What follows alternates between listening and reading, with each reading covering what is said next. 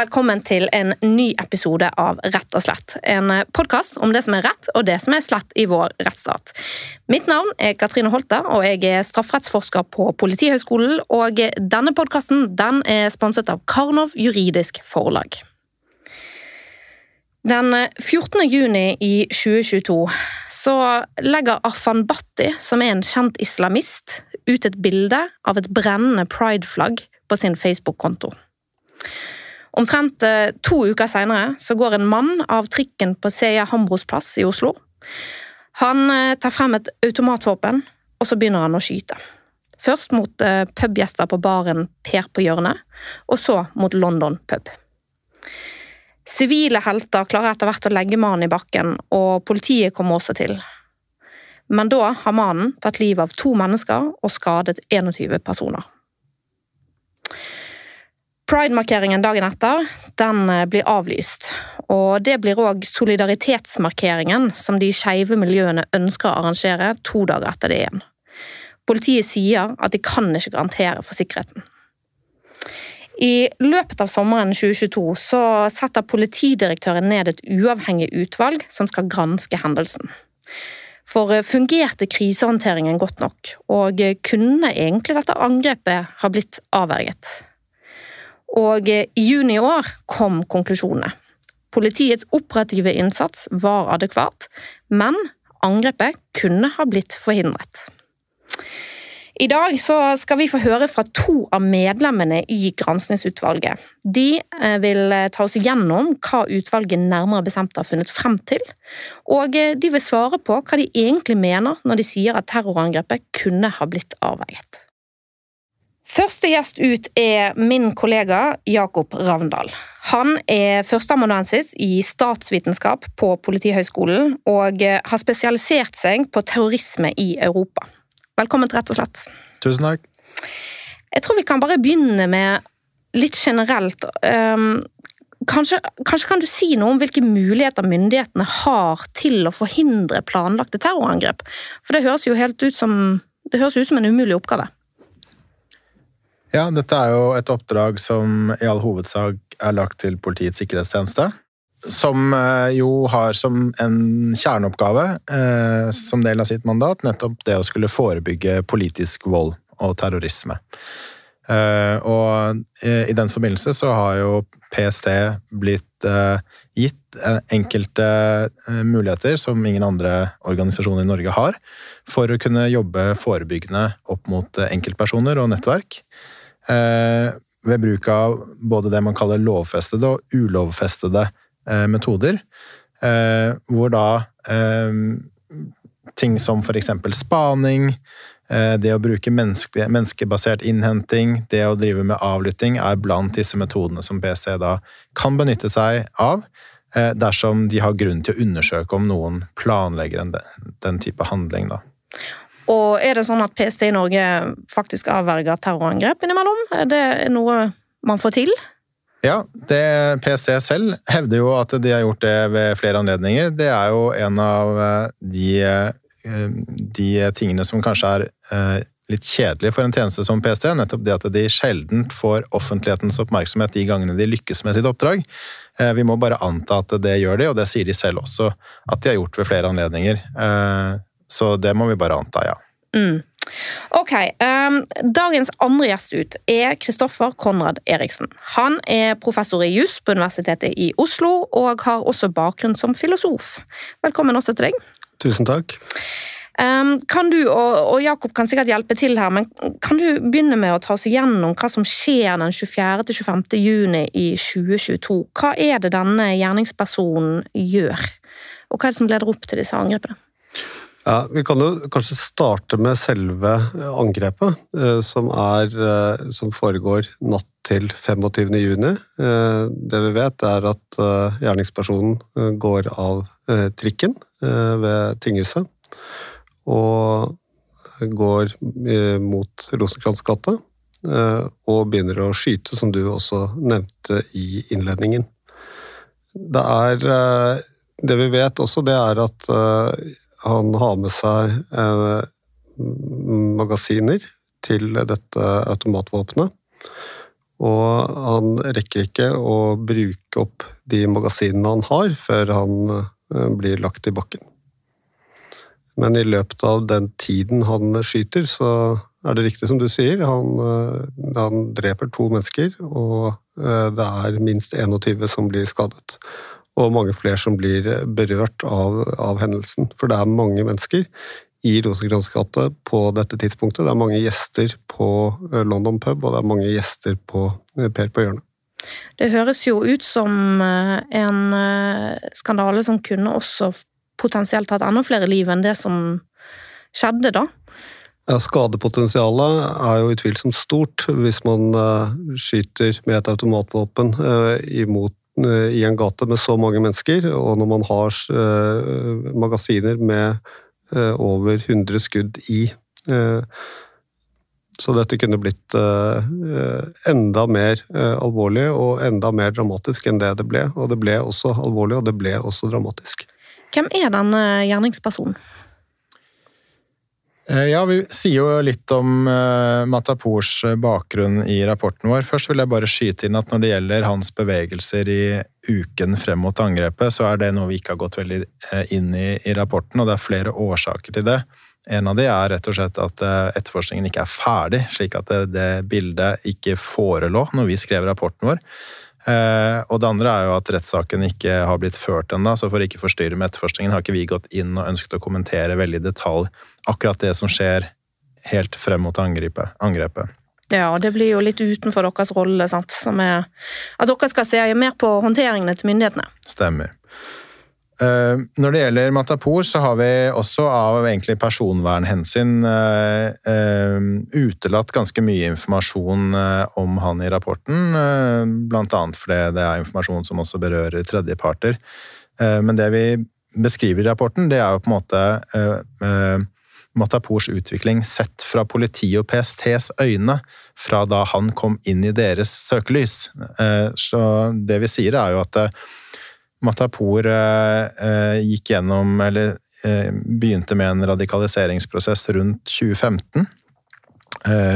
Han var knytta til et ekstremt islamistisk miljø i Norge.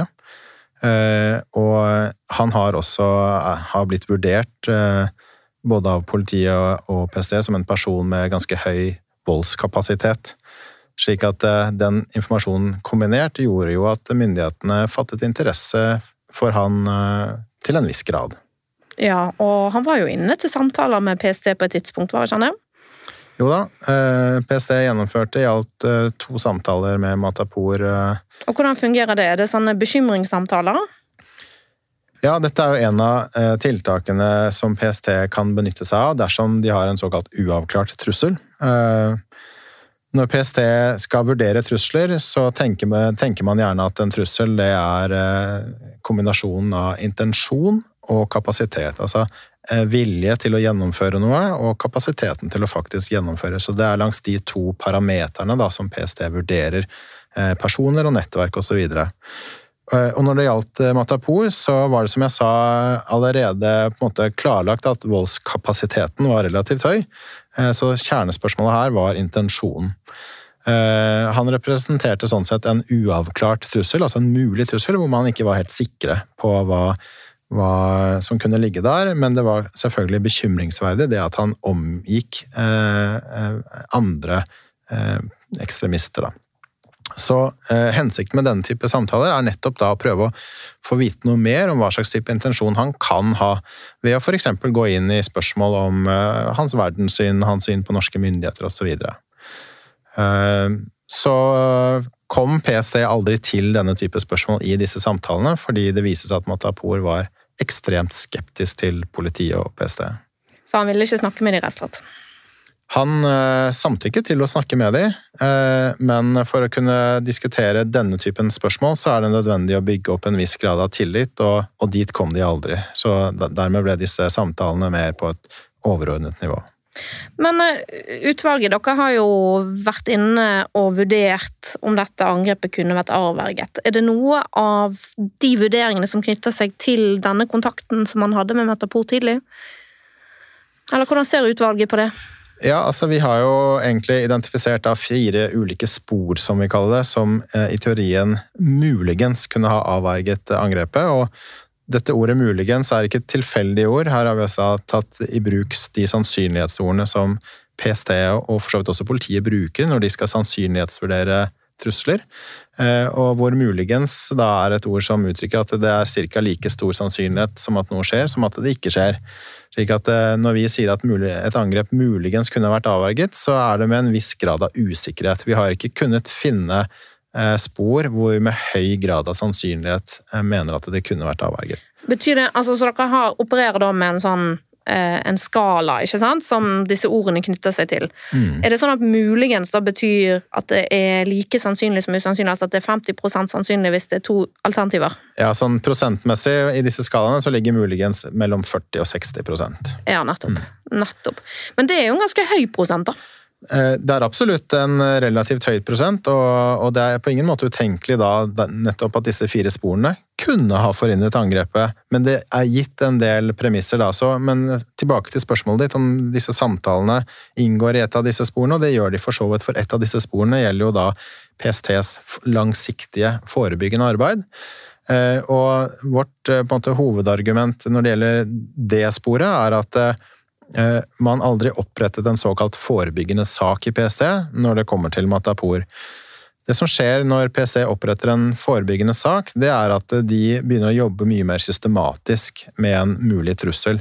Man får jevnlige vurderinger, man får større eh, mulighet til å innhente mer informasjon. PST er rett og slett bedre rigga til å faktisk kunne vurdere en trussel. Eh, så har de selvfølgelig begrenset med ressurser, så det er grenser for hvor mange forebyggende saker de kan opprette. Eh, og vi i våre vurderinger argumenterer jo for at det på et visst tidspunkt var grunn til å opprette forebyggende sak mot Matepor, og da helt konkret etter at han hadde blitt stoppet i en bil sammen med Arfan Bhatti, som fulgte etter to Sian-medlemmer, og hvor man da i denne bilen også fant to kniver, og i tillegg at de ikke hadde med seg mobiltelefonene sine. Skjedde dette etter at eh, Matapor hadde vært inne til samtale? Dette skjedde eh, mellom den første og den andre samtalen. Slik at eh, denne bilstoppen var egentlig den utløsende årsaken til at PST valgte å gjennomføre en ny samtale med Matapour. Eh, den samtalen kom det imidlertid veldig lite ut av, eh, fordi eh, de møtte Matapor som kom da i en bil med sine barn i. Eh, så dermed var det krevende å gjennomføre en samtale. Eh, og det var den siste kontakten PST hadde med Matapour før angrepet skjedde. Mm. Kan du også bare skyte inn der at det er ikke noe tvil om at i den situasjonen man var i da, at det rettslige vilkåret for PSTs adgang til å igangsette en forebyggende sak var oppfylt. Hva altså, er det rettslige vilkåret? Nei, Det skal være det må foreligge en grunn til å foreta undersøkelser. Eh, og, det er en ganske lav terskel. altså Fra jurister kjenner til at en grunn til, det krever ikke så mye. Nei, lovgiver har satt den terskelen lavt. Eh, og så er det som Jakob sier, så er det ressurssituasjonen som i realiteten avgjør eh, om man setter i gang en forebyggende sak eller ikke. Men eh, her var det altså ikke noe tvil om at det juridiske grunnlaget var oppfylt. Men spørsmålet var jo om man skulle prioritere ressursene slik at man skulle igangsette en forebyggende sak. Ja, for hva er det som skjer videre da, hvis man da lager en forebyggende sak? Da følger man personen opp over tid? Eh, kan man overvåke personen med hemmelige, skjulte metoder og sånn? Det kan man, og det er en av de tingene vi også diskuterer litt i rapporten. At det har etablert seg en praksis i PST hvor man Eh, på mange måter tenker på det å opprette forebyggende sak og det å ta i bruk tvangsmidler som en og samme ting.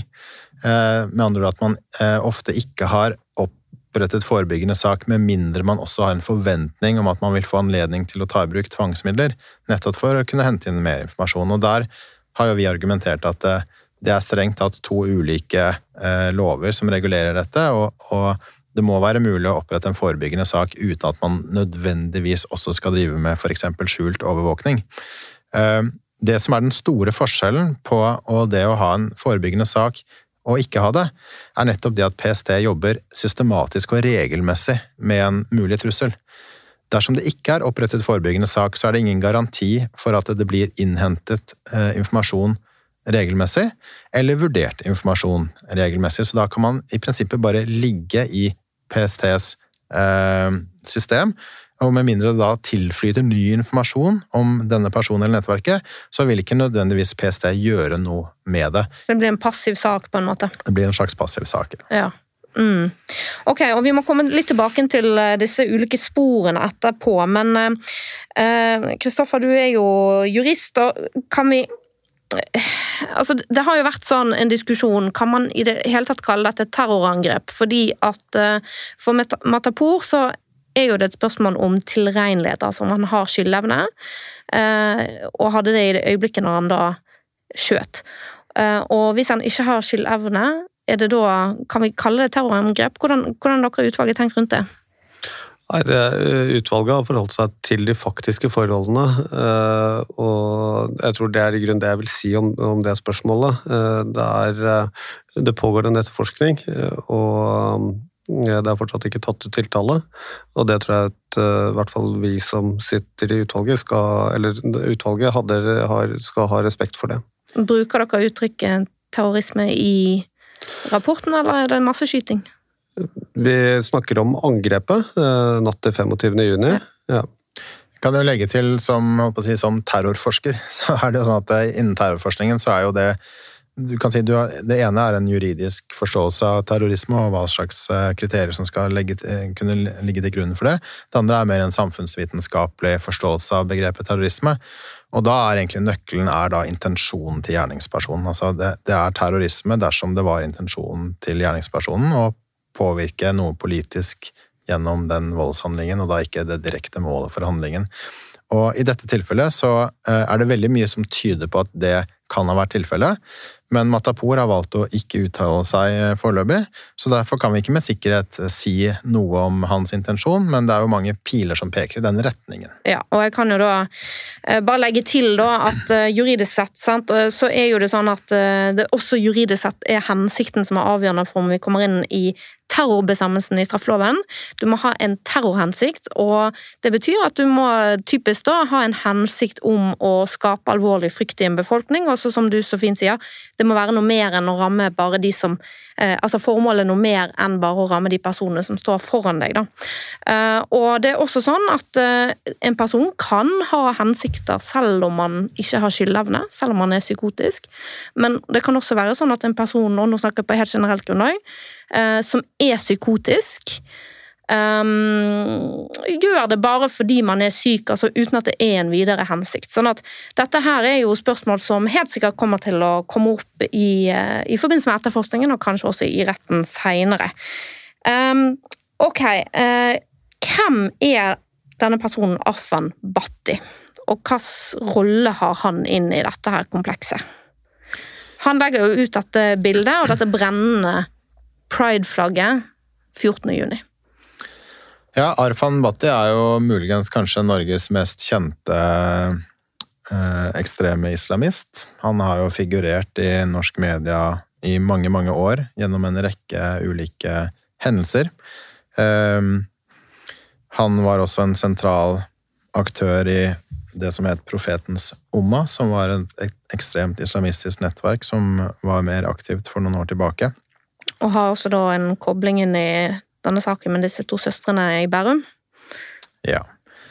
Eh, når det gjelder den saken her, så, så kom jo Batti inn eh, veldig tydelig i forbindelse med dette varselet fra E-tjenesten som eh, de sendte en uke før angrepet.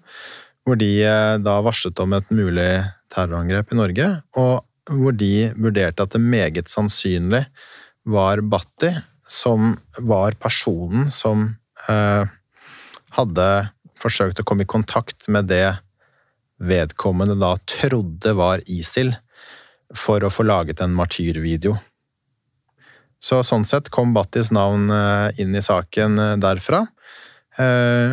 Og så kjenner vi jo nå i form av etterspillet at ettersom disse, denne innhentingsoperasjonen som E-tjenesten sto bak, har blitt nå lekket, så den er jo offentlig kjent, så vet vi også at eh, etter angrepet så ble det eh, opprettet en dialog mellom en av E-tjenestens agenter og det man antar skal ha vært Bhatti. Eh, hvor det kommer fram en rekke informasjoner som da tyder på at han var helt sentral i planleggingen av dette angrepet. Ja, for VG har jo hatt noen litt sånn oppsiktsvekkende oppslag om denne kommunikasjonen mellom denne agenten for E-tjenesten og et radikalisert islamsk miljø om et mulig forestående terrorangrep. Og det har jo blitt spekulert i at dette angrepet kan ha blitt foranlediget rett og slett av E-tjenestens innblanding her, og denne, eh, denne kommunikasjonen. Eh, dere har jo ikke hatt eh, som mandat å granske E-tjenesten sin rolle. Hvorfor det? Nei, Det er fordi at vi, er et, vi var medlem i et utvalg som var nedsatt av sjef PST og politidirektøren. Eh, og da, faller det jo, da er det en naturlig konsekvens av det. Det er at eh, vårt mandat er begrenset til å evaluere nettopp PST og politiet. Eh, sjef PST og Politidirektoratet kan ikke beslutte at Eller kan ikke nedsette et utvalg som skal evaluere andre enn dem selv. Ja, og E-tjenesten er vel også underlagt Forsvarsdepartementet, sant? Sånn at eh, de faller utenfor det området som justisministeren Ja, justis, selv justisministeren kunne ikke nedsatt et utvalg for å evaluere eh, E-tjenesten. Eh, hvis man skulle gjort, hatt et utvalg som skulle evaluert E-tjenesten og PST og Politidirektoratet, så måtte det vært, utvalget vært nedsatt av regjeringen. Ja. Er det sånn at dere som utvalg Da har jo dere ikke sett spesifikt på E-tjenesten, men du nevner jo dette. Er det sånn har dere noen tanker om dette her likevel? Ja, som utvalg så har vi nok ikke noen tanker om det, og, og, derfor tenker jeg det er ikke noe vi kommer til å gå inn i i, i denne sammenhengen. Eh, kan jeg vise til der eh, sjef for E-tjenesten sin redegjørelse for kontroll- og konstitusjonskomiteen eh, nå for bare et par dager siden, hvor han bl.a. selv kommenterte akkurat dette forholdet. Så det er nok eh, en bedre kilde å gå til når det gjelder det, enn oss. Mm. Men er det sånn at E-tjenesten burde ha blitt gransket her? Det har ikke jeg noen eh, oppfatning om. Nå eh, pågår det en eh, sak i eller Kontroll- og konstitusjonskomiteen har gjennomført en høring om justisministerens redegjørelse om denne rapporten. I den forbindelse så har kontrollkomiteen også invitert sjef for E-tjenesten. Og han har avgitt en forklaring til komiteen. Og så får komiteen vurdere hva det eventuelt er nødvendig å undersøke ytterligere. Ja, da, Men da tenker jeg det at uh, Spørsmålet som har vært stilt i media, er da om E-tjenesten kan ha opptrådt for uforsiktig gjennom sin agentkommunikasjon med en farlig islamist. Vi vet ikke noe mer enn det media har uh, satt frem her. Vi, vi, har rett og slett ikke innblikk i denne siden av saken, så da lar vi den ballen der ligge, og så går vi videre med det som har vært deres utvalgsmandat.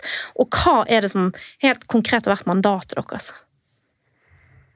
Ja, Vi har et mandat som egentlig er tredelt. Vi har hatt eh, mandat til å evaluere eh, hvorvidt angrepet kunne vært forhindret og avverget. For det andre eh, har vi hatt som mandat å evaluere politiets operative håndtering av selve hendelsen. Og for det tredje så har vi også hatt som mandat å eh, evaluere politiets eh, og PSTs kommunikasjon i tiden etter hendelsen. Også den kommunikasjonen som, gjelder, som knytter seg til de avlyste arrangementene. Eh, Jakob, du nevnte i sted at det var fire forskjellige spor som dere hadde vurdert i forbindelse med denne konklusjonen om at dette angrepet kunne ha vært avverget. Og så var vi inne i dette ene sporet som handlet om denne samtalen med, med Matapour, eh, der det ikke ble noe mer ut av det. Men hva er de tre andre sporene? Ja, så Det første sporet var jo da PSTs langsiktige forebyggende arbeid. Eh, hvor man etter vår vurdering kunne ha opprettet en sak, og som i sin tur da eh, muligens kunne gjort til at man avdekket angrepsplanene, fordi man hadde mer da inngripende muligheter til å følge med på Matapour. Når dere sier kunne, sier dere også burde? Ja, det sier vi. Ja. Eller vi sier at i hvert fall at det var grunn til å gjøre det. Eh, den burde er jo litt krevende, for det, det kommer jo an på ressurssituasjonen. Og ja. hvis det er sånn at de ikke har ressurser, så er det vanskelig for oss å si burde. De burde dersom de hadde hatt ressurser, for å si det sånn. Ja. Um, og det baserer seg da ikke bare på etterpåklokskap, ting som man har fått vite etterpå? Nei, jeg tror, eh, jeg tror eh, Altså, i, i, I en ideell verden så oppretter jo PST forebyggende sak i de tilfellene hvor vilkårene er til stede. Så er det ganske åpenbart at det vil være langt flere saker enn de har mulighet til. Mm. Eh, og så er spørsmålet egentlig hvor skal den terskelen ligge mellom der mm. den har vært, og der vi, vi, mener kanskje at den bør senkes noe, da. Mm. Og jeg vil jo tro at den, en sak som denne kanskje ville kommet over terskelen i så tilfelle, men, eh, men ja. ja. Det andre sporet er jo da politiets langsiktige forebygging. Eh, siden 2014 så har jo politiet også fått i oppdrag av, myndighetene å forebygge voldelig ekstremisme. Og dette er jo noe vi skriver litt om i rapporten, at eh, dette er en, egentlig en liten sånn juridisk knute. At man, myndighetene har gitt egentlig samme oppdrag til to forskjellige etater, uten at det er helt klart hvem som har ansvar for å gjøre hva innenfor dette feltet. Men da tror jeg det kan passe å ta en liten runde på hva disse hemmelige tjenestene er, opp mot politiet. Um, vil du hjelpe oss litt med å forstå uh, liksom, de ulike organene som er i spill her?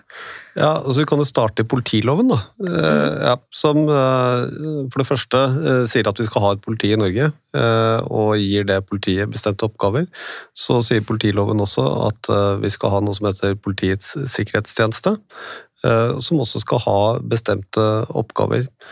Eh, og det er jo nettopp i grenseflaten mellom eh, det politiloven sier om PSTs oppgaver og politiets oppgaver, at det eh, kan være uklarheter. At man kan også til dels ha overlappende funksjoner, og det er det Jakob er inne på. Men er PST det er en del av politiet, men det er skilt ut som et særorgan?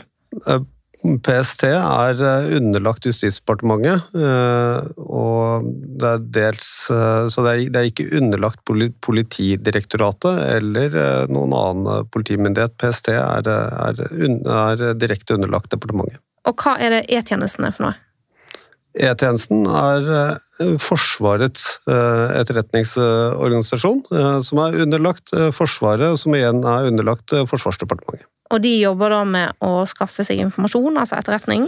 De jobber med å skaffe, seg, skaffe informasjon, etterretning. Ja, riktig. Om angrep som planlegges mot Norge, og der går grensen på en måte på innenlands og utenlands, gjør ikke det? Det er riktig. Ja. Sånn at PST jobber med innenlandstrusler, mens E-tjenesten jobber i hovedsak med utenlandstrusler. Ja, og så kan man kanskje legge til at uh, Etterretningstjenesten er nettopp det, en, en rendyrket etterretningstjeneste som da driver med trusselvurdering, primært. Mens PST er jo en eh, sikkerhets- og etterretningstjeneste. Så i det ligger det både at de skal vurdere trusler eh, som del av sitt etterretningsoppdrag, innhente informasjon og analysere den informasjonen, men også at de skal motvirke trusler eh, ved hjelp av sikkerhetstiltak. Slik, eh, sånn sett så har PST et dobbelt oppdrag som ikke ligger til E-tjenesten. Mm. Ok, men da fortsett på dette sporet ja, Så da er det jo slik at som Kristoffer sa, så har jo PST visse særoppdrag, da å forebygge politisk vold. Så er det sånn at med, I 2014 så kom regjeringen med en revidert versjon av deres handlingsplan mot radikalisering og voldelig ekstremisme. Og i den handlingsplanen så var et av tiltakene at eh, ansvar for å forebygge voldelig ekstremisme skulle legges i politidistriktene. Og at eh, alle Etter hvert har det også blitt en, eh, en en beslutning om at alle politidistrikt skal ha såkalte radikaliseringskontakter som forvalter dette ansvaret med å forebygge radikalisering og voldelig ekstremisme. En radikaliseringskontakt er en person som skal snakke med personer som står i fare for å bli radikalisert, eller har blitt det. Ja, og det er nettopp her uklarheten litt ligger. Altså hvor radikalisert skal du være for å på en måte være politiets ansvar versus PSTs ansvar. Det som er eh, sikkert, er at eh, når det gjelder det å hente inn informasjon fra andre deler av norske myndigheter, fra den sivile forvaltningen, så er det typisk eh, politiet som vil gjøre det, og ikke PST. Slik at når det gjelder det å hente inn informasjon fra andre myndighetsinstanser, som f.eks. Nav eller helsevesenet for den saks skyld, så vil det typisk være politiet som kan sende ut den type forespørsler, og eventuelt da dersom PST etterspør det, vurdere om de skal dele den informasjonen også med PST. Ok, Så det er ikke en automatisk informasjonsdeling da mellom PST og politiet? Eh, jo, det er på mange måter er det en automatisk informasjonsdeling fra politiet til PST, fordi eh, informasjon som politiet lagrer i sitt etterretningsregister, med, av relevans eh, for PST. Da huker de ganske enkelt bare av en eh, knapp. Eh, og det vil da gi PST automatisk et varsel om at nå er det lagret informasjon som er relevant for dem. Og I tillegg har PST fullt innsyn i dette etterretningsregisteret, så sånn sett har PST oversikt over all informasjon politiet sitter på, men sånn er det jo da ikke motsatt vei. Nettopp. Når det gjelder dette, denne saken her, så har jo vi da sett på Politiet har jo da en rekke eh, mulige uh, instanser hvor de kan forsøke å innhente mer informasjon om en person, nettopp for å avklare om det foreligger en trussel, for å avklare om det foreligger en intensjon om å gjennomføre f.eks. politisk vold. Uh, og da har vi jo sett på Vi har kartlagt hvilke instanser de kan gå til, og så har vi da i denne saken kartlagt hvilke instanser de faktisk gikk til, eh, og hva som kom ut av det. Om det er noen steder de kunne ha gått til som ikke de gikk til, og hva det i så fall kunne ha medført av informasjon. Nå snakker du om politiet? Nå snakker jeg om politiet og politiets radikaliseringskontakter.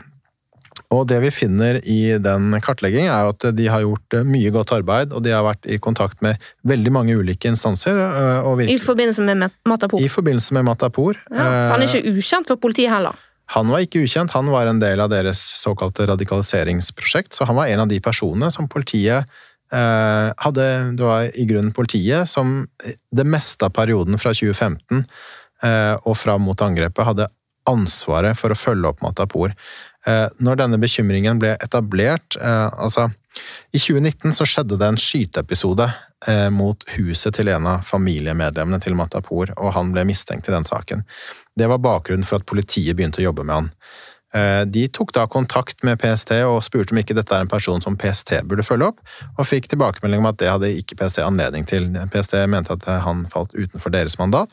Dermed ble det politiets ansvar å følge opp, og siden den gang så hadde de da ansvaret for å følge utviklingen til Matapor.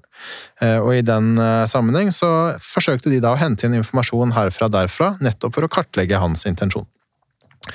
Eh, I dette arbeidet så er det på et tidspunkt flere ting som skjer knytta til noen noen barnefordelingssaker. Eh, hvor eh, politiets radikaliseringskontakter får da eh, informasjon om en saksbehandler i barnevernet som de kan ta kontakt med dersom de skulle ønske det. For å få informasjon om Matapor? For å potensielt få informasjon om Matapor. Og her er det verdt å understreke at de har altså vært veldig mange steder og lett etter informasjon, så det er ikke som om politiets radikaliseringskontakter har gjort en slett jobb i dette tilfellet. Tvert imot, de har virkelig forsøkt å hente inn informasjon, men det har vært veldig lite å finne. Det er jo ganske interessant. Det har ikke kommet så mye frem i mediene. Nei, det er mye som ikke har kommet frem i mediene fra vår rapport. Den er lang, lang og detaljert. Men denne eh, kontakten opp mot barnevernet eh, ble ikke fulgt opp. Eh, ikke godt for oss å vite akkurat hvorfor, men de var sikkert også travle og har mange saker de følger osv. Så, så i informasjonsstrømmen som de sitter og håndterer, så var dette én bit som ikke ble fulgt opp. Og det har vist seg at det var kanskje uheldig. Fordi eh, gjennom etterforskningen av 25. juni-angrepet og avhør med eh, representanter fra barnevernet, så har det vist seg at de satt på svært mye informasjon eh, om Matapour, og svært relevant informasjon om Matapour. Og helt konkret en, en uh, temmelig påfallende atferdsendring som skjedde om lag ti dager før angrepet, som kan tolkes i retning av uh, noe som kan peke mot en mulig større handling, da. Igjen så er vi av personvernhensyn veldig forsiktige med å gå ut for mye detaljer om akkurat dette. Eh, men det vi sier, er at eh, denne informasjonen i seg selv er ikke tilstrekkelig til at man ville f.eks. i PST, dersom de fikk den informasjonen, ville iverksatt tiltak. Men kombinert med varselet fra E-tjenesten, så kan det hende at denne informasjonen ville ført til, eller bidratt til, at PSTs oppmerksomhet mot Matapour hadde vært eh, tydeligere. Slik at de i større grad hadde da eh, eh, forsøkt å finne ut mer om Atapor i løpet av denne uken, dersom de hadde hatt denne informasjonen fra barnevernet. Men Er det sånn at PST kan gjøre mer enn politiet kan? Er det, er det derfor det er viktig at PST følger opp dette òg, og at det ikke blir liggende hos politiet bare?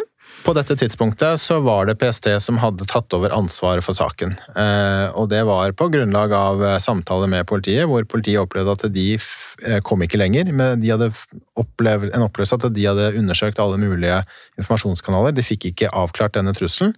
Og dermed besluttet PST at ok, men da tar vi over ansvaret for oppfølgingen her. Det er en uavklart trussel, og de forsøkte å gjennomføre denne samtalen etter dette bilstoppet.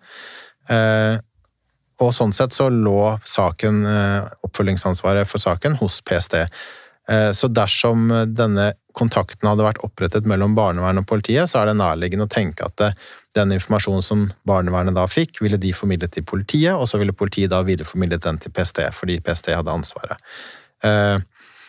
Og sånn sett så mener jo vi at dersom det hadde skjedd, så er det mulig at PST i større grad hadde kikket på Matapors Eh, hva Matapour drev med i uken fram mot angrepet.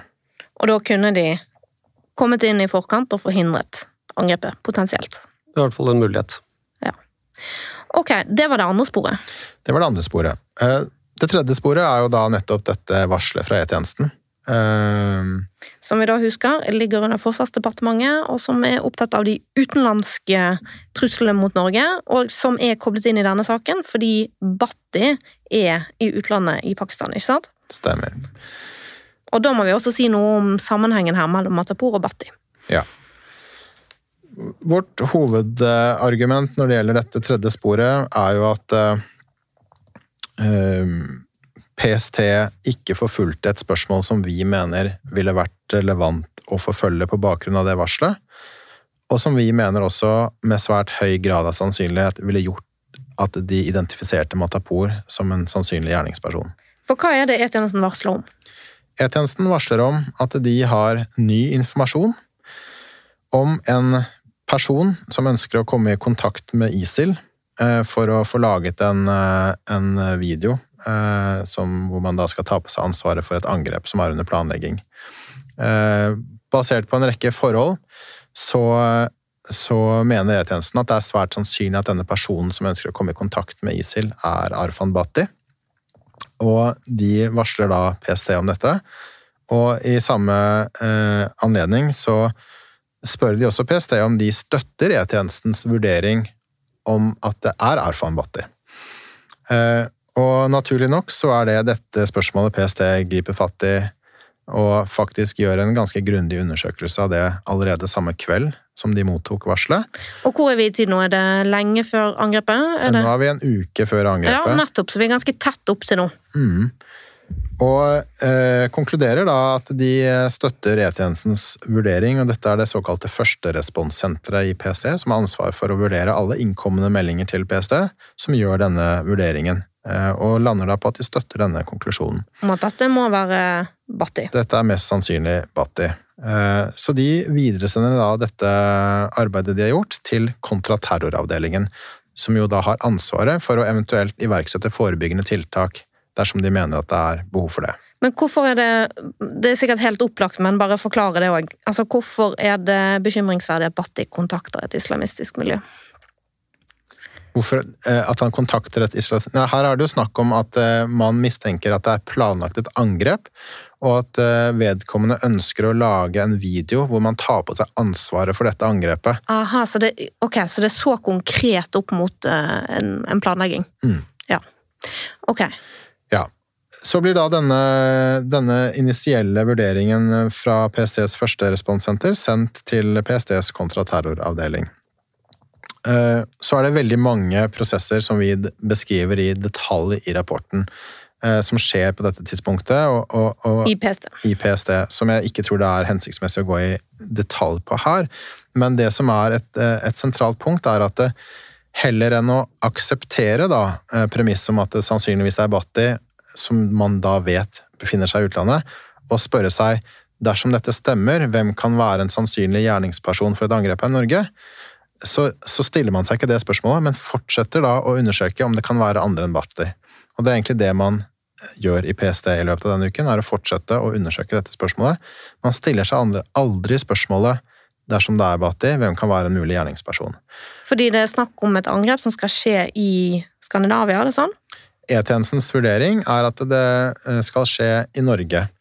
Ja. Eh, Så konkret. så konkret. Og innen kort tid. Nei, det har de ikke sagt. Eh, Der har vi lagt til grunn at det at man ønsker å klargjøre for å innspille en video, i seg selv indikerer på at planleggingen kan ha kommet et stykke på vei. Men utover det så er det ingen informasjon om tidsaspektet. Ja. Og det er også en av grunnene til at man i kontraterroravdelingen ikke oppfatter denne saken som like tidskritisk som det man gjorde i PST, og for så vidt også i Førsteresponssenteret.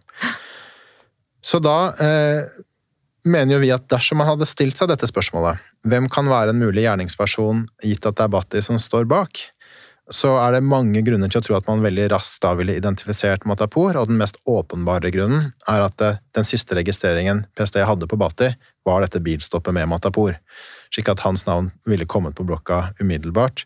I tillegg så viser vi også at eh, dersom man hadde gjort en analyse av personer man hadde i sitt register over et visst trusselnivå, og med kobling til Bhatti, så er det også bare en håndfull personer man ville landet ned på, og Matapour ville også da vært blant disse. Så det er flere mulige måter å, som man kunne da ha identifisert Matapour på. Og hadde man gjort det, så kunne man jo igjen da vurdert tiltak som f.eks. spaning, for å se hva han driver med.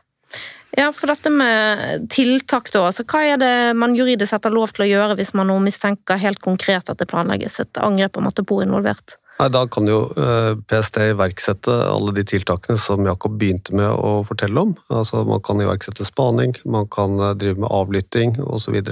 Kan man pågripe så det- pågripe preventivt? Det, er, altså, det, det kommer helt an på de konkrete forholdene hva PST kan gjøre. Det, og jeg tror ikke jeg skal gå inn og spekulere her i de forholdene, for det jo, blir jo hypotetiske spørsmål. Det, som vi vet, er at det, er, at var mulig å, å identifisere eh, denne forbindelsen mellom eh, Bhatti og Matapour, og at det var mulig å foreta seg noe overfor Matapour i dagene før angrepet. Og så tror jeg at egentlig at jeg vil eh, stoppe med videre spekulasjoner i hva man da kunne ha gjort. Eh, fjerde spor. Det fjerde sporet er jo da dette mye omtalte pride-flagget, som det brennende flagget, som du innledet med. Og som du korrekt påpekte, dette ble jo postet den 14. juni.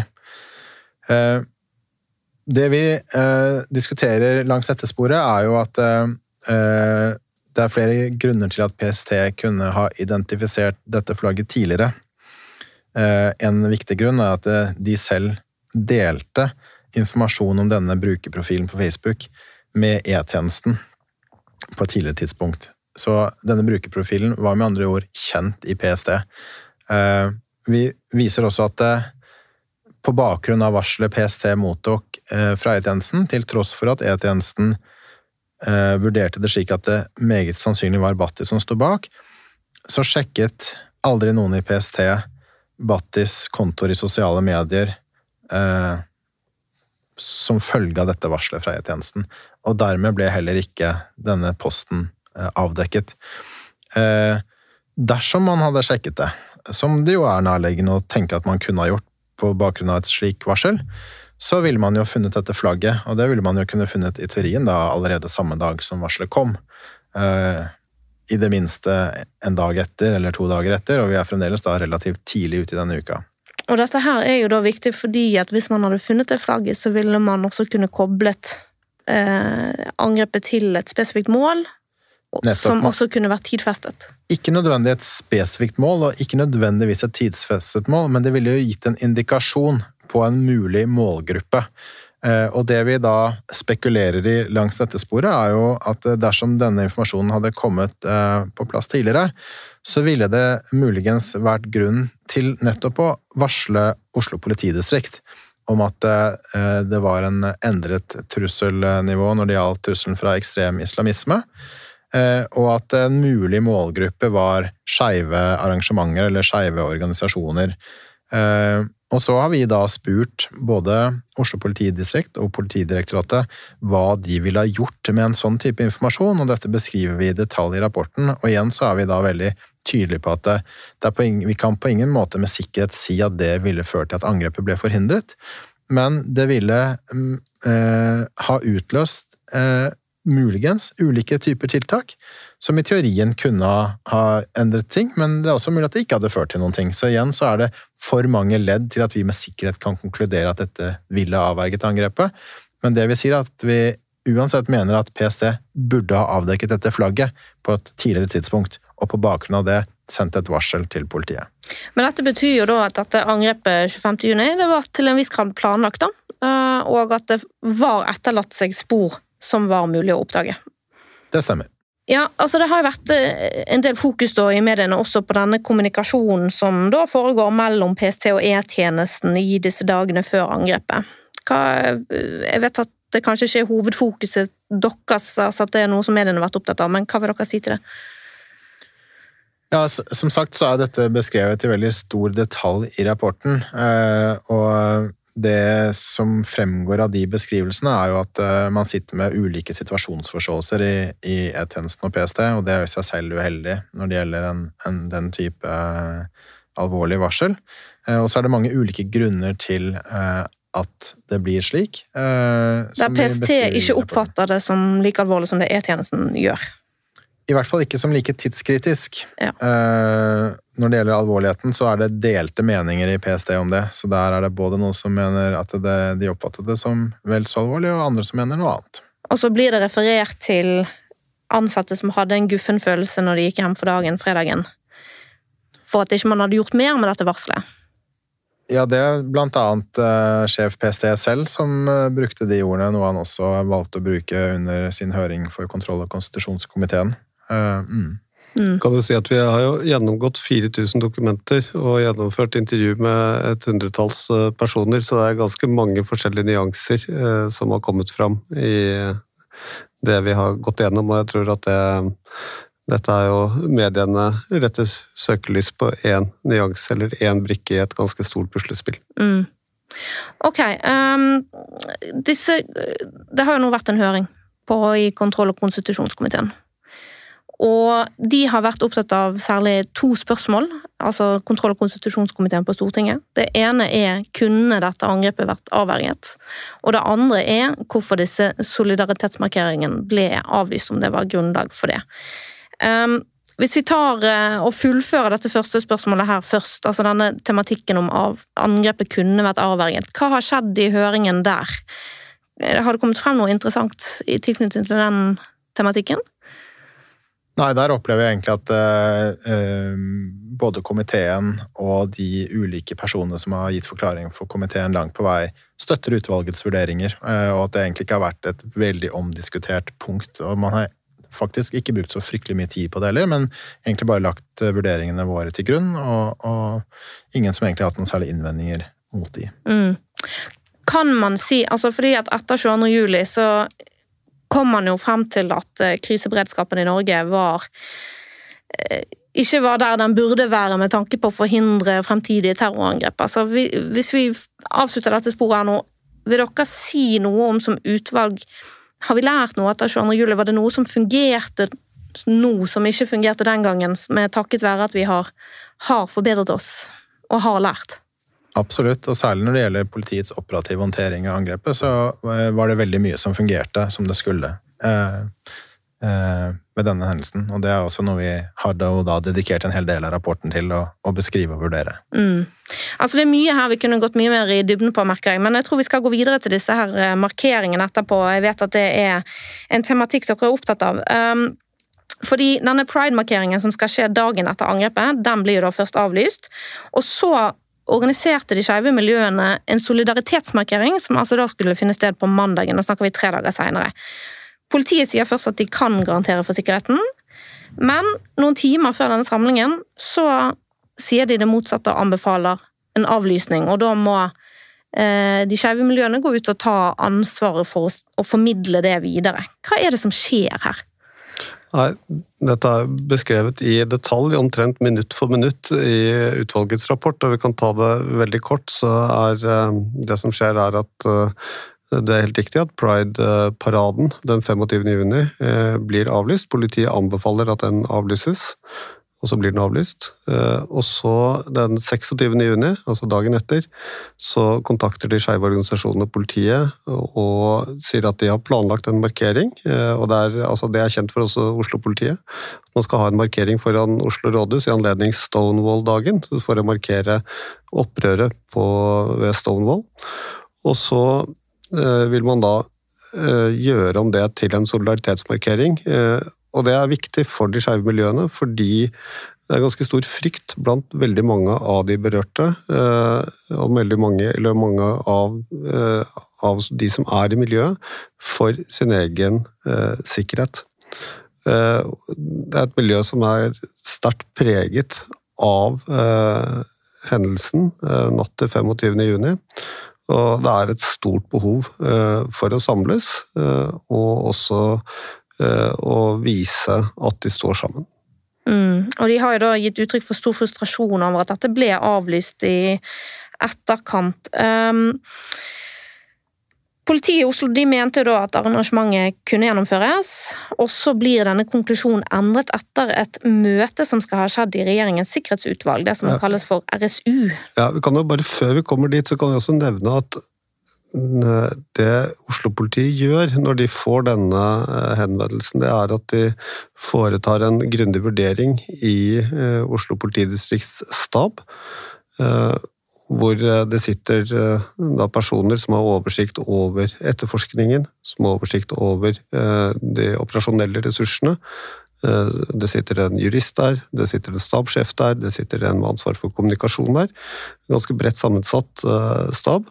Eh, og, og det sitter også en etterretningsfunksjon der som har oversikt over trusselbildet. Nettopp. Så, uh, Så Oslo-politiet er ganske godt rustet til å gjøre disse vurderingene?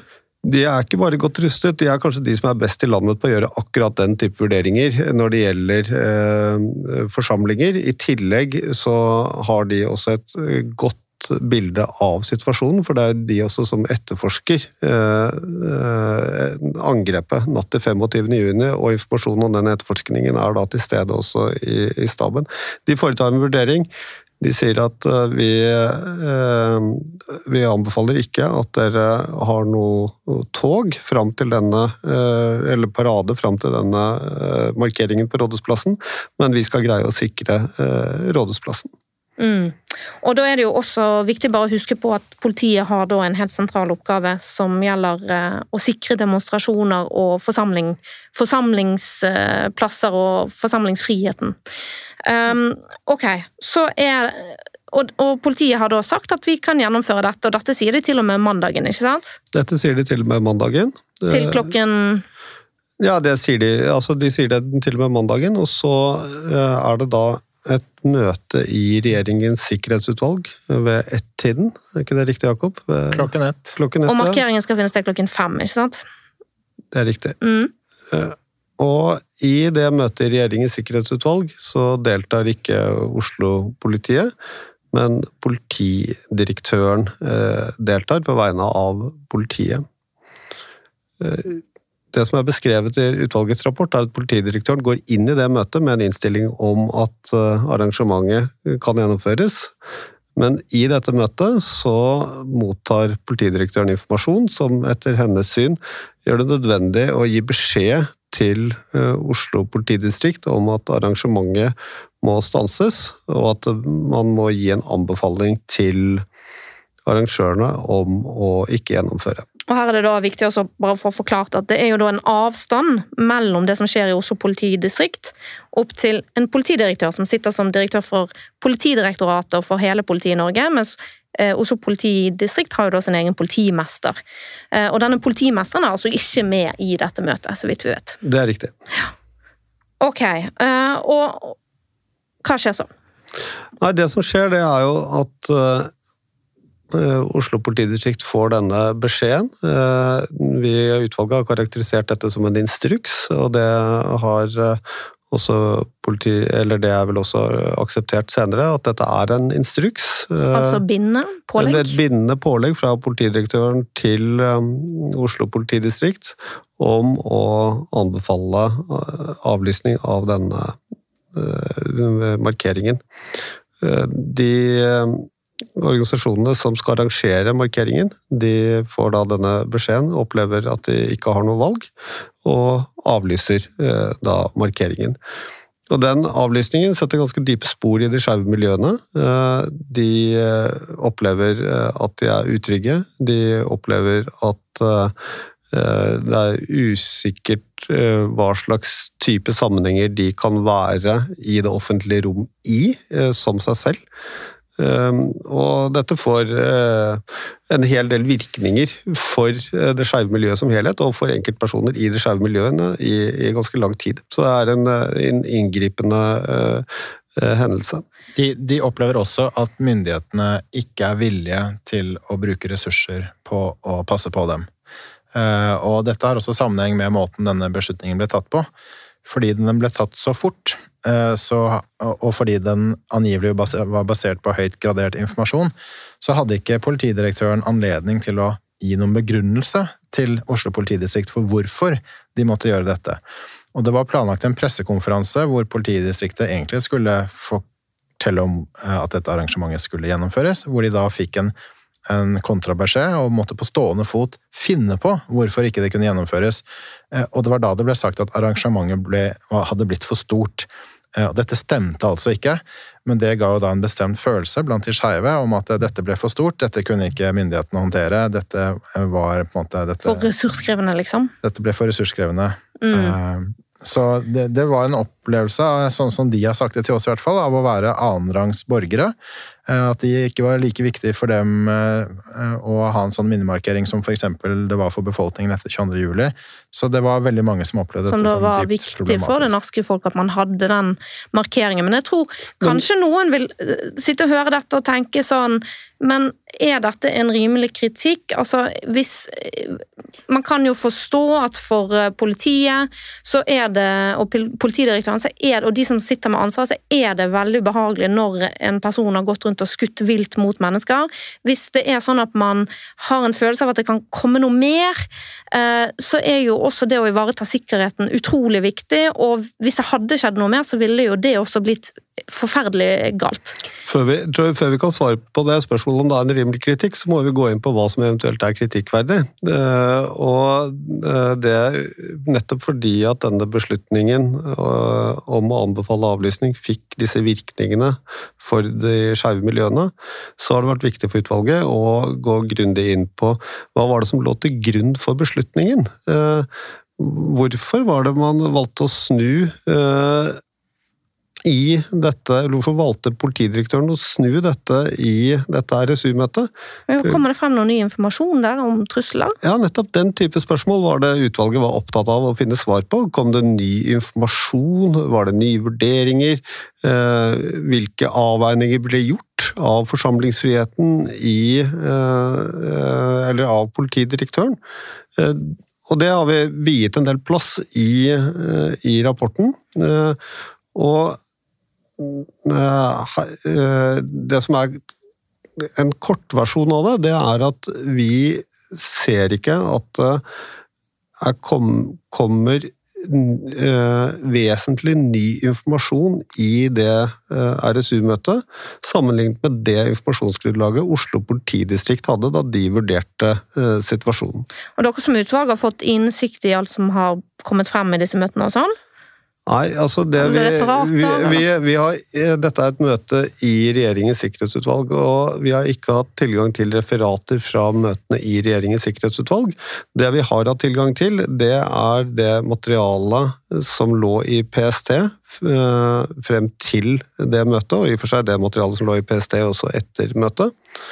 Eh, og vi har også hatt tilgang til Politidirektoratets referater fra møtet. Og dere mener at når politiet da eh, gjorde sin vurdering, så var det basert på den samme informasjonen? Altså de tok høyde for denne informasjonen som lå i systemene? Ja, og det er her det, her det gjelder å ha tunga litt rett i munnen, eh, for å, eh, fordi her er det veldig lett å sammenblande ulike forhold.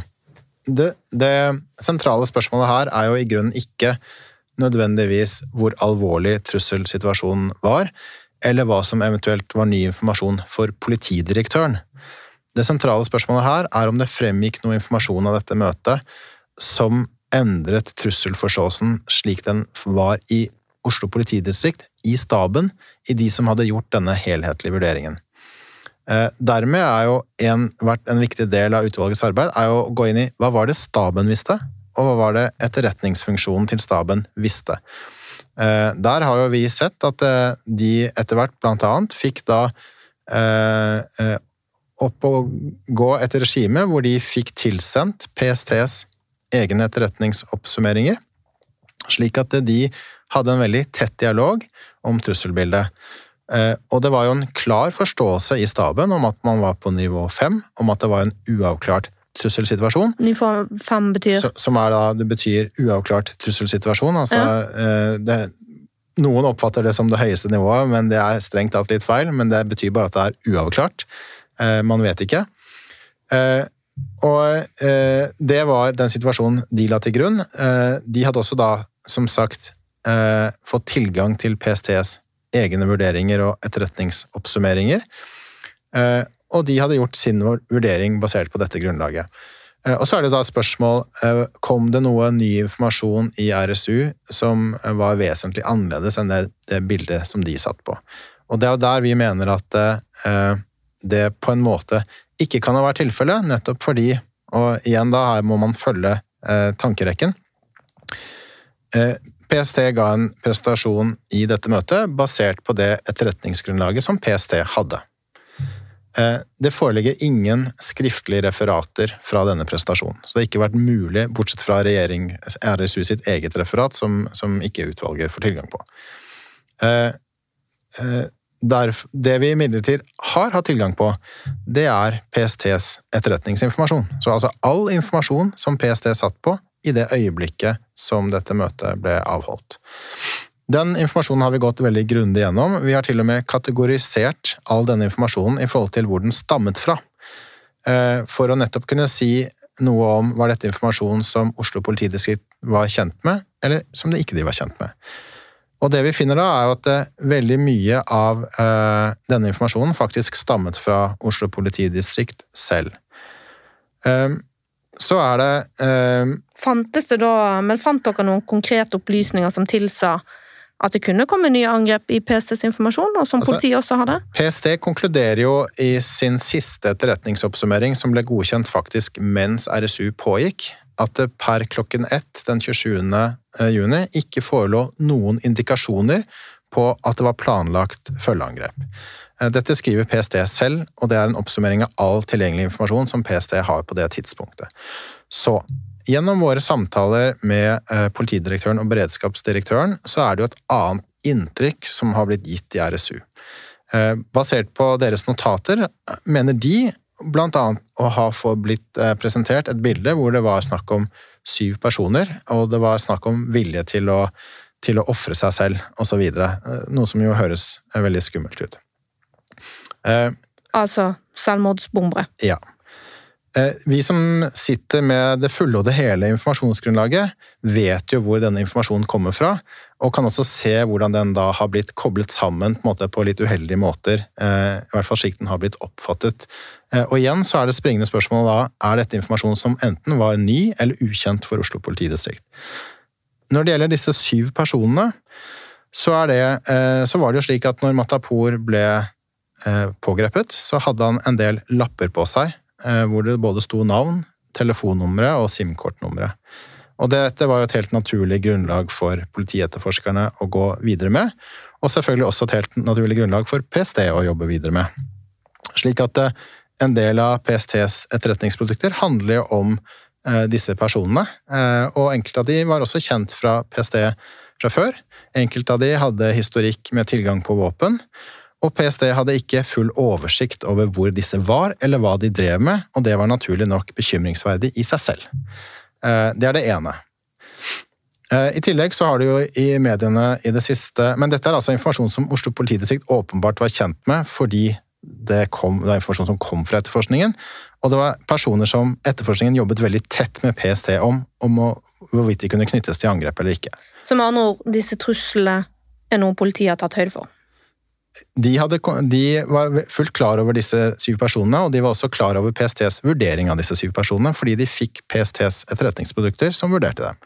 Og, og bare legge til der også, sånn at vi har med oss det, at det Oslo-politiet også hadde gjort, det var jo hva slags, hva slags, eh, ressurser som var mulig å sette på for å sikre nettopp Rådhusplassen, et ikke helt ukjent sted for Oslo politidistrikt å ha eh, store arrangementer. Så de var kjent med eh, trusselsituasjonen, og de var kjent med selvfølgelig sine egne ressurser for å sikre Rådhusplassen.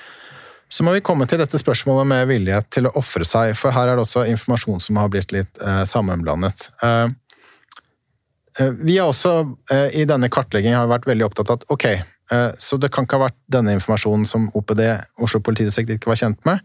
Hva med denne informasjonen som PST fikk fra E-tjenestens eh, innhentingsoperasjon? Her har vi også gått veldig grundig til verks for å se var det noe E-tjenesten delte med PST frem mot dette møtet som de ikke hadde delt med Oslo politidistrikt, fordi informasjonen fra E-tjenesten var det eneste PST ikke delte med dem, for den var såpass høyt gradert. Det vi har kommet fram til da Altså høyt gradert vil si sikkerhetsgradert, altså at det informasjon som bare et fåtall mennesker skal kunne få tilgang til. Og som PST ikke hadde lov til å dele videre. Yes. Eh, det vi har kommet fram til der, at det er én informasjonsbit som ble delt med PST eh, etter angrepet og før RSU. Og det er at eh, denne personen som E-tjenestens agent hadde vært i kontakt med før angrepet, nå i etterkant av angrepet hadde bekreftet at dette var operasjonen det var snakk om, og også hadde bekreftet at Batti var den personen som ønsket å komme i kontakt med ISIL. Så dette er sånn sett ny informasjon. Eh, men det er jo ingen informasjon om et påfølgende angrep, det er bare en bekreftelse om at det som man trodde tidligere, faktisk stemte. At det har skjedd. At det har skjedd. Mm. Ja. Og dette knytter da til denne eh, såkalte villigheten til å ofre seg selv. For det, da er det slik at det finnes en person eh, som PST tidligere har vært svært bekymra for, som har hatt knytninger til Bhatti, og som på et tidligere tidspunkt og i en annen sammenheng har uttrykt vilje til å ofre seg selv. Det var ingen ny informasjon om denne personen knytta til dette angrepet. Denne personen sto heller ikke på lappene til Matapour, men det var på bakgrunn av at PST nå hadde fått bekreftet at Bhatti var involvert, en generell bekymring om at eh, denne personen, hva om denne personen kunne være involvert i et følgeangrep, det visste man ikke. Så det er ikke vanskelig å forstå at det forelå en generell bekymring hos PC om dette, men vi mener altså at dette er ikke det samme som konkret informasjon om et planlagt angrep. Eh, og på ingen måte sånn som det ble oppfattet av enkelte i RSU, at det var snakk om syv personer som var villige til å ofre seg, og at det forelå en plan om å gjennomføre noe angrep. Det er rett og slett ikke tilfellet.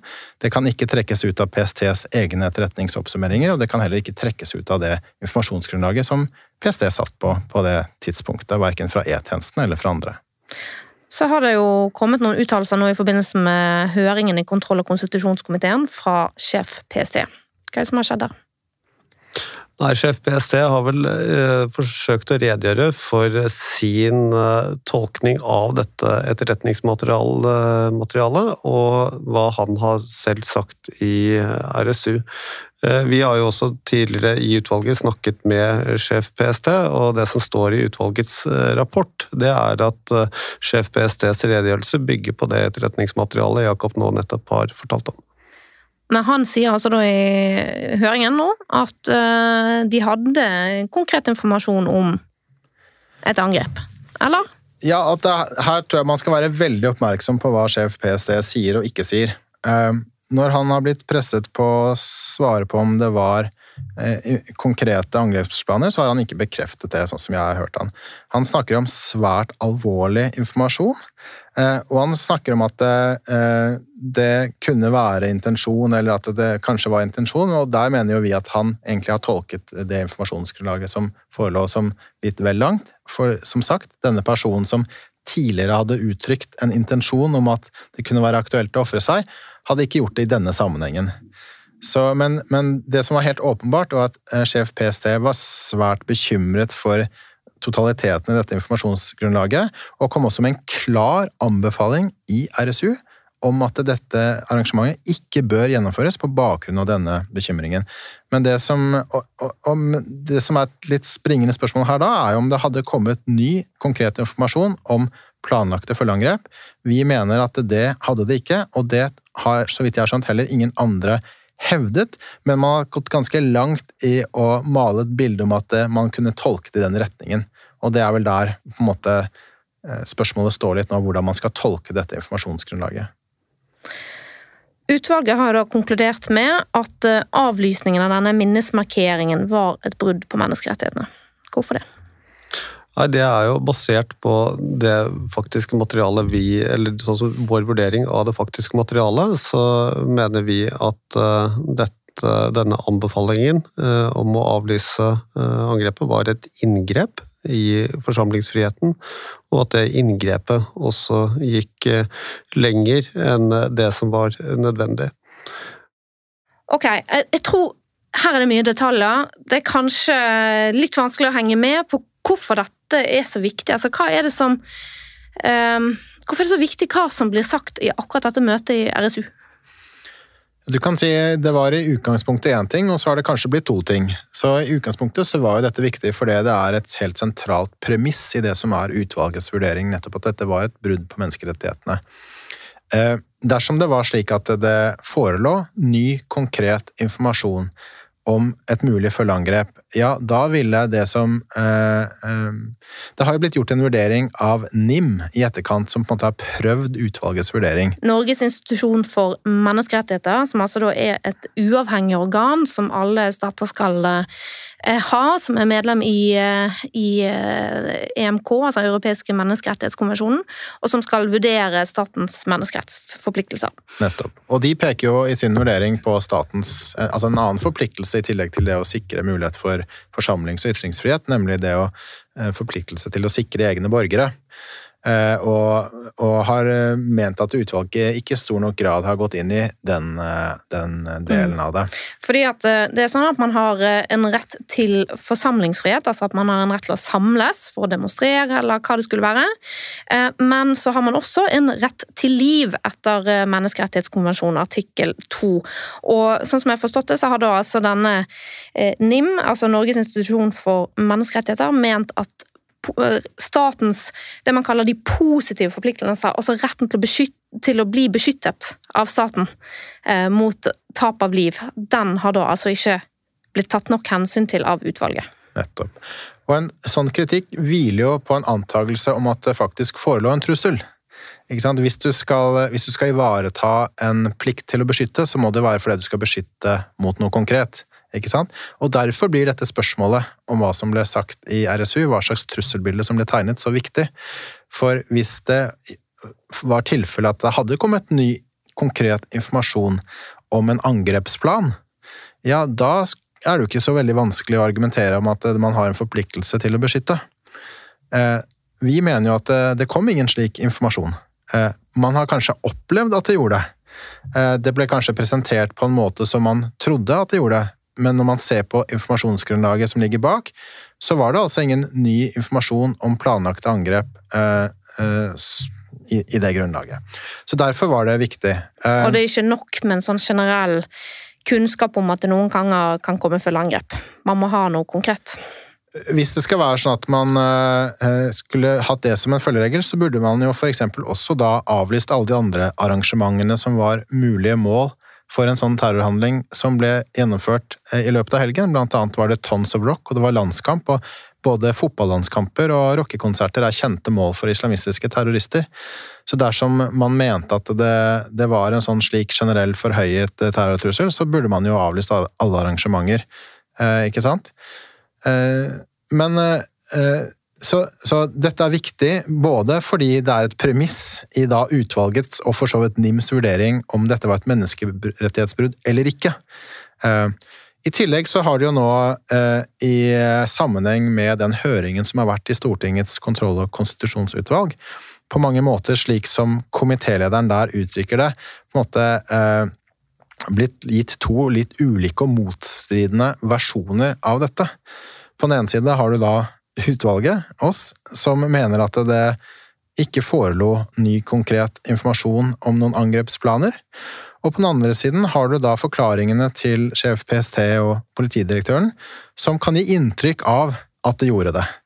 Eh, og derfor blir det jo også et viktig spørsmål å komme til bunns i hva som egentlig var tilfellet. Hva var den informasjonen man faktisk satt på, hvordan ble denne tolket, hvordan ble den presentert, og i hvilken grad var den informasjonen grunnleggende annerledes enn den informasjonen Oslo politidistrikt selv hadde eh, lagt til grunn når de gjorde sin helhetlige vurdering av om ja, det er en uavklart trussel, det kan være flere personer involvert, vi har ikke kontroll på disse personene, men vi skal klare å sikre et statisk arrangement på Rådhusplassen fordi vi mener at verdien av dette arrangementet er såpass høy at eh, det er en risiko vi er villige til å ta.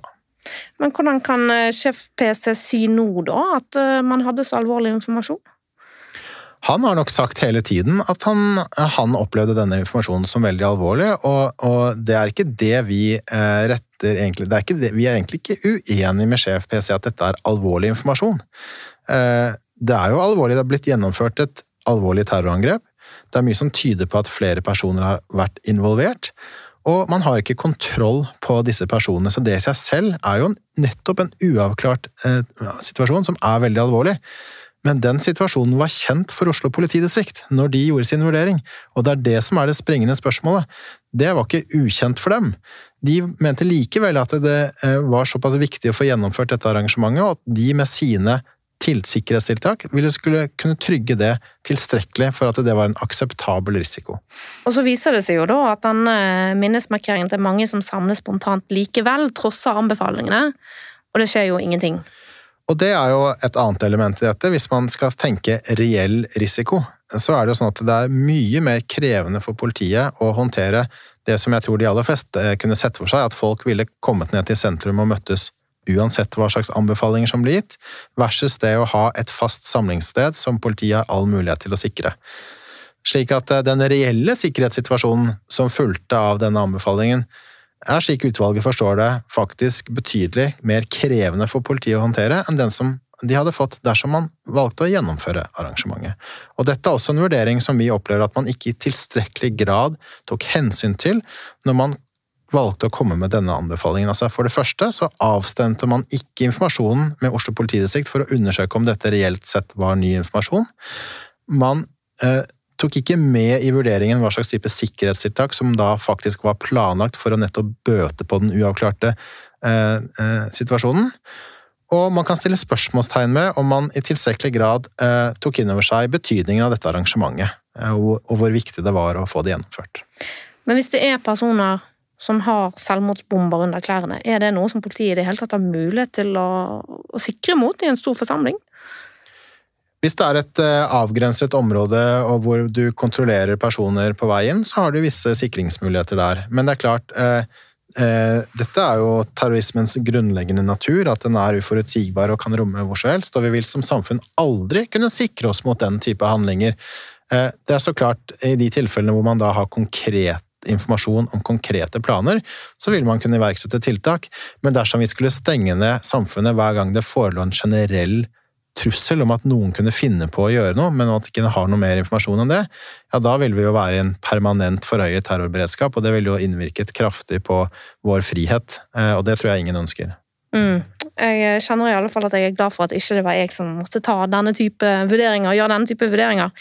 Ehm, men dere i utvalget dere har jo gitt en rapport. Kan du si noe om hvilke anbefalinger Kristoffer måtte snikes ut i stedet måtte gå, men kan du som er her fortsatt si litt om hvilke anbefalinger dere har gitt for å unngå at uh, lignende terrorangrep skal kunne skje igjen i Norge? Eh, ja, vi har kommet med en rekke anbefalinger, og jeg tror ikke jeg skal gå gjennom alle nå, men eh, noen De viktigste. De viktigste anbefalingene. Eh, en viktig anbefaling er jo dette her med terskelen for forebyggende sak. Og at man kanskje bør vurdere å senke den noe i forhold til det som har vært praktisert. Dette igjen utløser jo et ressursbehov. For det vi, som vi peker på i rapporten, så er det hovedsakelig ressursutfordringer som ser ut til å ha avgjort hvor denne terskelen har ligget. Og Derfor er en annen anbefaling at PST bør gå i dialog med Justis- og beredskapsdepartementet for å gå gjennom ressurssituasjonen til, eh, til PSTs kontraterrorvirksomhet. Fordi vi mener at den er altfor alt for, eh, eh, krevende. Det er ikke samsvar mellom oppgavene de har fått og de ressursene som de har. Og Nå har jo det blitt lekket fra statsbudsjettet at bevilgningene til PST vil øke. Eh, Vil det hjelpe å kaste penger på problemet her?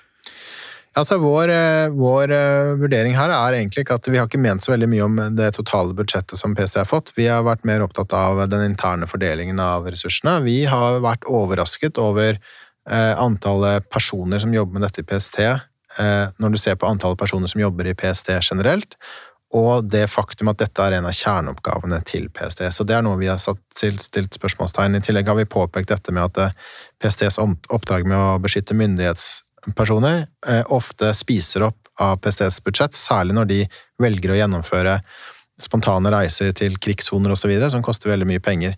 Så der har vi også kommet med en anbefaling om å skille dette budsjettet ut fra PSTs øvrige budsjett.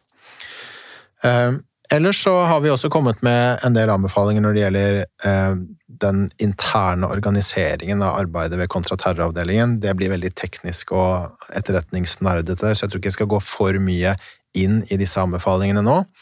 Eh, vi har også anbefalt at politiet i mye større grad bør dele informasjon Nei, unnskyld. At PST i mye større grad bør dele informasjon med politiets radikaliseringskontakter, og særlig de tilfellene hvor det er politiet som har ansvar for oppfølging, men PST sitter på informasjon om disse som kan være relevant for politiet eh, i sin oppfølging av disse personene. Så der er det fremdeles en del å hente. Eh, og så har vi også da anbefalt at eh, samarbeidet med E-tjenesten eh, bør styrkes, og at man særlig kanskje bør se på muligheten for det å sitte og gjøre felles trusselvurderinger. For det, i det du gjør slike felles vurderinger, så vil nettopp ulik situasjonsforståelse veldig raskt komme til syne. Og at det derfor kan kanskje være en idé, istedenfor at man sitter i hver sitt hus og gjør hver sine vurderinger og sender de fram og tilbake, og så blir det kommunikasjonsfeil. Etter ditt syn, er vi godt rustet mot fremtidige angrep? Ja, jeg mener eh, generelt så er vi i Norge godt rustet eh, sammenlignet med mange andre land. Og så er det også sånn, som terrorforsker, så er det også sånn generell innsikt at det, når det gjelder eh, samsvaret mellom omfang og ressurser som våre nasjoner bruker på sikkerhet versus den trusselen det reelt sett utgjør, så er det jo en kjensgjerning at vi bruker langt mer ressurser enn det denne tross alt begrensede trusselen utgjør. Eh, men det er klart, det er nettopp det at den har såpass store samfunnsvirkninger at det politisk sett er veldig vanskelig å ikke sette mye ressurser på det. Men hvis du ser på reell risiko i forhold til skade mot samfunnet, og f.eks. hvor mange personer som dør av dette versus andre samfunnsrisikoer, så er jo ressursbruken egentlig av en helt annen verden sammenlignet med mange andre samfunnsområder. Mm. Jeg tror eh, det var det vi hadde tid til i dag. Vi har jo vanligvis en sånn avsluttende spalte der gjestene får fremheve noe de synes er rett eller slett, men det blir rett og slett for lite tid til det i denne episoden, som har blitt ganske så lang. Eh, tusen takk til Jakob og til Kristoffer som var med her i studio, og tusen takk til dere der hjemme som hører på denne episoden. Jeg er tilbake igjen med en ny episode om to uker. Vi snakkes.